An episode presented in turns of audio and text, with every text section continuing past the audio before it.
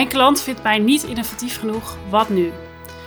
Het is een onderwerp wat bij veel van mijn klanten speelt en ook een heel groot onderwerp wat speelde toen ik als manager bij Hessing startte. En ik wil ook dat aan jullie meegeven vandaag hoe je, hoe je dit op kan pakken voor je klanten. Het kan ook zo zijn overigens dat jouw klant het helemaal niet aangeeft, maar dat je aan alles voelt, dat je heel veel dingen in de markt ziet gebeuren en dat je gewoon het idee hebt dat je achterblijft en dat je op dat vlak echt stappen te maken hebt. In deze podcast ga ik met je meenemen hoe je, nou ja, hoe je daarmee om kan gaan en wat je kan doen om dat vooral natuurlijk te gaan veranderen. Um, een belangrijk onderwerp wat ik daarin eerst wil aangeven is dat het heel belangrijk is om na te denken: wat is innovatie? Ik merk namelijk dat als we het over innovatie hebben, dat we vaak denken dat we allemaal hele spannende nieuwe dingen moeten doen. Nieuwe concepten, nieuwe smaken. Nou, is smaak niet super spannend, maar je snapt misschien wat ik bedoel. Ja, wat is innovatie? Dat zijn meerdere dingen. Je kan inderdaad echt met een geheel nieuwe propositie op de markt komen natuurlijk. Hè, dat je in een hele nieuwe categorie gaat acteren. Nou, daar wil ik het vandaag niet helemaal over hebben. Maar het zou kunnen zijn dat je een nieuw segment neer gaat zetten. Dus eh, in het geval van Hessing dat we een nieuwe soort salades op de markt gingen zetten bijvoorbeeld. Het zou zo kunnen zijn dat je echt een gezondere variant, een nieuwe lijn binnen jouw smakenvarianten wil neerzetten. Maar heel veel innovatie is ook optimalisatie. Voor mij is dat ook innovatie. Dus dat betekent bijvoorbeeld dat je producten hebt waarvan de houdbaarheid niet zo goed is. En dat je dat wil optimaliseren. En dat je daar een nieuwe technologie voor introduceert. Of dat je een nieuwe verpakking introduceert, waardoor het veel langer houdbaar is, of veel makkelijker in gebruik is, of veel duurzamer is. Of dat je een nieuwe snit introduceert, of een nieuw ingrediënt. Of dat je een product plantaardiger maakt, of dat je het gezonder maakt. Al dit soort dingen zijn onderdelen en voorbeelden van innovatie. Dus die nuance wilde ik nog even maken, omdat ik het echt belangrijk vind dat we daar ook wat slimmer naar gaan kijken. Nou, en dan kom je dus op, wat doe je met, dat, met die vraag, mijn klant vindt mij niet innovatief genoeg? Nou, dat gebeurde mij dus toen ik startte. En uh, die situatie was er. En uh, zoals ik ben, wilde ik die situatie natuurlijk gaan verbeteren. Want in heel veel categorieën is innovatie heel erg belangrijk. Nou, en als ik zo'n opmerking krijg, dan vind ik het heel belangrijk om eerst even in te schatten of iets echt waar is. En, en natuurlijk, als jouw klant het zegt, is het sowieso waar in diegene's beleving. Maar ik wilde toch even weten of het ook echt zo was. Want ik merkte al dat veel van mijn collega's zeiden: Oh, dan moeten we gewoon veel meer gaan innoveren. Maar ik, ik vroeg me gewoon af of dat de oplossing was. Dus ik ben eerst gaan kijken van: oké, wat voor assortiment hebben we nu? En wat hebben we de afgelopen jaren gedaan in innovatie? En hoe gaat zo'n proces? Hoe, hoe plannen we dat? Hoe zorgen we dat het bij de klant komt? Halen we timings wel? En hoe, ja, hoe gaat dat? En wat doet de concurrentie? Hoe pakken zij dat aan? Hoeveel innovaties doen zij? Hoe succesvol zijn die innovaties? Want ja, heel leuk allemaal nieuwe innovaties brengen, maar je wil eigenlijk ook wel dat je er iets mee, dat het iets oplevert, toch? Tenminste, dat uh, moet wel je doel zijn, lijkt me. Nou, en daar kom ik meteen tot mijn punt. Ik kwam er vrij snel achter dat we best wel veel deden. En dan was de vraag: deden we de goede dingen? Nou, en daar komt het, dat, wat mij dus heel erg opviel, is dat onze concurrentie, wat zij heel leuk deden, is pakketjes opsturen van hun nieuwe innovaties en er allemaal dingen over vertelden aan hun niet-klanten, die dus onze klanten waren. En die kwamen vervolgens op mijn bordje terecht. Nou, kijk wat zij allemaal doen. Terwijl als je het in het totaal zou bekijken van wat wij allemaal deden, nou, zat het hem helemaal niet in het aantal innovaties. Zat het hem ook niet per se in wat zij nou precies brachten. Met alle respect voor die partijen. Hè? Ik vond het echt hartstikke, hartstikke tof wat ze deden. Dus toen ben ik gaan kijken van oké, het zit hem eigenlijk helemaal niet in de aantallen. Maar we hebben dus een, één punt is in ieder geval communicatie. Hoe doen we dit nou precies? Dus dat was er één. Nou ja, vervolgens ga je natuurlijk kijken wat zien we allemaal op de markt gebeuren. En, en, en eh, acteren we daar wel op? Dus toen ben ik met mijn klant in gesprek gegaan. Dus wat is voor jou innovatie? En daarin is ook mijn idee meegebracht wat ik vind dat innovatie is. En wat is voor jou belangrijk in een innovatie? En dat zal ook nog per klant wel verschillend zijn. De ene klant die denkt, ja, ik wil vooral veel meer omzet doen door die innovatie. Ik wil echt dat we additioneel, dus extra omzet doen. Een andere klant zal misschien zeggen, nou, we hebben allemaal ambities op het gebied van duurzaamheid en ik wil dat jij mij helpt op het gebied van suiker- en zoutreductie. Of ik heb een aandeel biologisch wat ik graag wil halen en ik wil dat jij me daarbij helpt. Of, want dat gebeurt ook vaak, ik wil mij intern meer op de kaart zetten. Of wij willen als team onze afdeling meer op de kaart zetten. En ja, ik merk gewoon dat we weinig kunnen laten zien waar we echt trots op zijn. Ik zeg maar wat.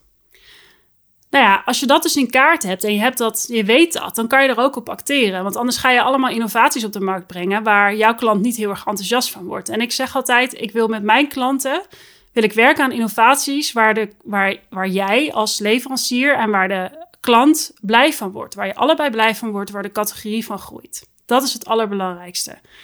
En ja, vervolgens ben ik ook gaan kijken, hoe pakken we dat dan aan? Hè? Dus we bedenken iets nieuws en we zien iets in de markt gebeuren. Hoe gaan we dat dan op de markt brengen? En toen kwam ik er ook achter dat we de timings van onze klanten, ja, dat het toch een beetje ad hoc allemaal ging. En dat nou, de klant zich niet helemaal betrokken voelde. Dus ik wil een voorbeeld geven van hoe de oplossing kan zijn. En alles ligt genuanceerd. En ik geef nu een voorbeeld ook van dat je echt een strategisch partner bent die een van de grootste leveranciers is, dus best wel wat zendtijd krijgt. Hè? Dus ik snap dat dat niet voor ieder geval hetzelfde is. Maar ook dan help ik je graag, want ik heb ook heel veel klanten die nou, nog minder groot zijn. En ook daar zijn er heel veel dingen die je kan doen. Maar wat ik toen dus ben gaan doen, is dat in kaart gaan mengen. Dus echt aan mijn klant gaan vragen: oké, maar wanneer ga jij finaal de beslissing nemen? Wanneer ga jij uh, een schap nabouwen en kijken hoe het staat? Of wanneer ga je, moet jij de foto's aangeleverd hebben? Wanneer ga jij, heb je alle cijfers en alle, alle formulieren nodig om het op te kunnen voeren? Dus dat klinkt allemaal misschien heel erg saai, maar heel erg belangrijk. Dus op een gegeven moment had ik een hele kalender van: oké, dit is dus de planning waar we aan moeten voldoen. En toen kwam ik erachter dat we eigenlijk veel te laat bezig gingen met trendpresentaties en allemaal over nadenken. Dus eigenlijk is het ook een stukje helpen en opvoeding. En opvoeding klinkt misschien een beetje onaardig, maar dat je je collega's echt helpt en meeneemt van oké, hier moeten we naartoe. En dan kunnen we ook nog de klant bijvoorbeeld daarin meenemen. En als we het zo aanpakken, kunnen we eventueel ook nog, als we een keer een test doen, een consumententest, en hij is niet goed genoeg, kunnen we nog een tweede ronde inbouwen. We hebben nog genoeg tijd. En natuurlijk is het nooit zo zwart-wit. Als jij een fantastische commerciële kans voorbij ziet komen, en dan kunnen we vaak veel sneller in de fabriek. En dan, maar je wil gewoon dat de basis niet allemaal ad hoc is. En hier was de basis allemaal veel te ad hoc veel te veel. We gaan zo snel mogelijk dit allemaal voor elkaar krijgen. En daar wilde ik heel graag van af. Dus toen zijn we met de kalender gaan werken. En ook daarin had ik ingebouwd dat we de klant mee gingen laten denken. Dus nou, ik had op een gegeven moment een relatie opgebouwd met onze klanten. En ging ik echt met hun vragen van... joh, wat zie jij gebeuren in de markt? Wat zijn jouw behoeftes? Waar kunnen wij jou komend jaar bij helpen? Een van de beste vragen die ik altijd aan mijn klanten stel... en ik ook altijd adviseer is... wat heb je nodig? Wat heb jij nodig? En dat is een van de meest krachtige vragen... En soms weten ze dat niet, dus dan is een kwestie van doorvragen. Daar help ik mijn klanten ook altijd bij met voorbeeldvragenlijsten. En dat we van tevoren een meeting met hun klanten goed voorbereiden. Van wat ga je vragen? Maar op die manier kan je dus ook de wens van je klanten meenemen. En zijn ze daar ook in meegenomen en wordt het ook een gezamenlijke verantwoordelijkheid om dat te gaan doen? En kan jij ook hun tevredener stellen omdat je weet wat er speelt? Dus als je dit zo gaat doen en je weet precies welke timings je moet halen en je gaat ook leren, want dat was ook een ding van hoe ga je nou alle trends in de markt goed beetpakken? Hoe, ga je, hoe gaat productontwikkeling jou op de hoogte houden van alle innovaties op het gebied van hè, wat is er mogelijk? Welke ingrediënten zijn er allemaal?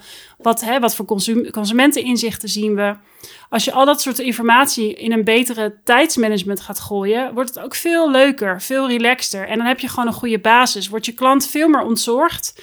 Hè, want ontzorgen is een van de belangrijkste dingen die jij voor je klant moet doen. Dat je eigenlijk alles wat je doet, dat zij er zo min mogelijk zorgen om hebben. Dat je het goed doet, dat het goed loopt, dat ze weten dat het goed komt. Dat is heel erg belangrijk. Dus als de klant bij jou komt met de opmerking: Ik vind jullie niet innovatief genoeg, dan is gewoon vraag 1: Is het zo? He, zit het in met het aantal innovaties of doe je niet de juiste dingen? Is vraag 2, wat kan je doen op het gebied van time management? Ben je misschien te laat? Soms ben je ook te vroeg. Dus dan zegt een klant, nou, ik, zie dit niet. Maar dan hoor ik soms van mensen zeggen, ja, en twee jaar later lag het op de schappen. En dan vraag ik ook maar, ben je het volgende moment dan ook wel naar hen teruggegaan? Dat je zegt, nou, volgens mij zijn we er nu wel klaar voor. Dus, dus hou ook dat altijd in de gaten. Ga ook goed nadenken per innovatie wat het doel is van zo'n innovatie. Dus Stel, hè, jouw klant zegt van nou, ik wil het aandeel biologisch uh, laten groeien. En nou, je hebt goed onderzoek gedaan welke producten op het gebied van biologisch waarschijnlijk het beste aanslaan. Dan zou het heel goed kunnen zijn dat het stukje omzet niet het hoofddoel van de innovatie is. Dus dat je eigenlijk moet zorgen ja, dat je de marge goed hebt hè, volgens de norm. Maar niet dat de omzet of de marge de allerbelangrijkste is. Maar dat meer de kwaliteit en dat je het kan leveren belangrijk is. Omdat ze dat aandeel willen vergroten. Het zou ook heel goed kunnen dat je een segment hebt waarvan je met elkaar zegt: wij willen hier meer vegetarisch toevoegen. dus dat je al dat soort wensen bij je klant eerst op gaat halen. Dus dat deed ik als altijd als eerste. Bij je klant ophalen, wat zijn jouw wensen?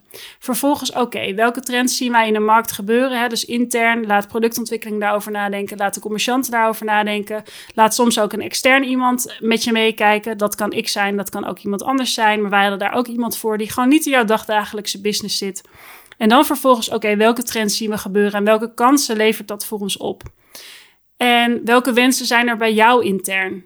Bijvoorbeeld, is bij jou het onderwerp winstgevendheid enorm belangrijk? Ga dan ook kritisch kijken welke producten maken wij nu te weinig winst op? En zouden wij graag stappen in kunnen maken?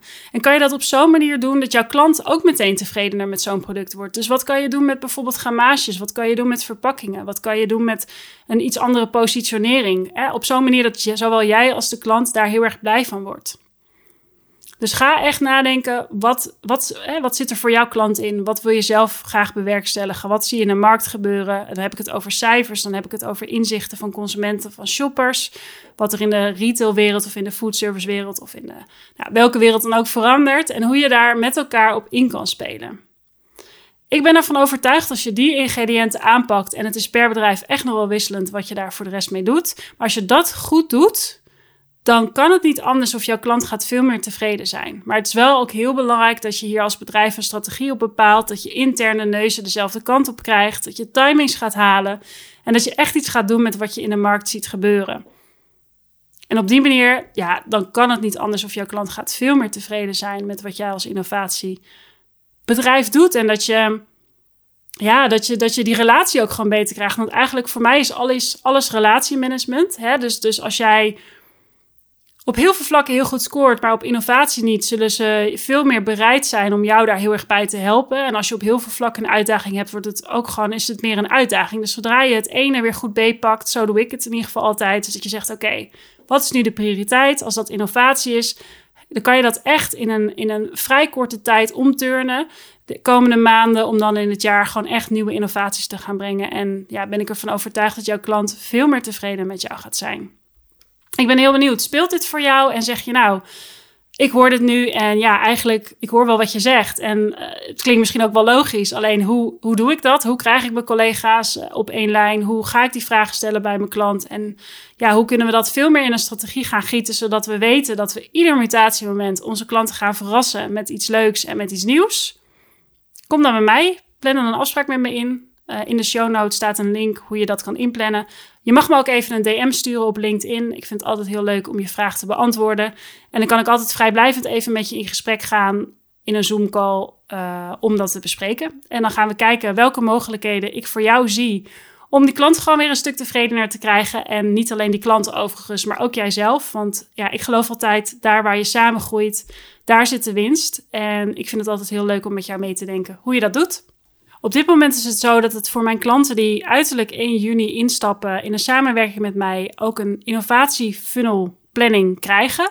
Dus dat betekent echt een hele handige lijst waarmee je precies kan plannen naar jouw mutatiemomenten. Dus we gaan er dan ook achter komen, gaan we invullen wat die momenten voor jouw bedrijf zijn. En dan ga ik jullie helpen om dat helemaal te gaan implementeren in je bedrijf. En dan heb je gewoon een heel helder overzicht. En ga je gewoon ook die stappen maken die ik heb kunnen maken. En mijn klanten zijn er ontzettend blij mee. Dus die krijg je als bonus als je voor 1 juni bij me instapt. Dus plan die afspraak in. Gewoon vrijblijvend voor ons allebei. Om in ieder geval in gesprek te gaan. Om dat tijd te keren voor jou. Ik zie er naar uit om je te spreken.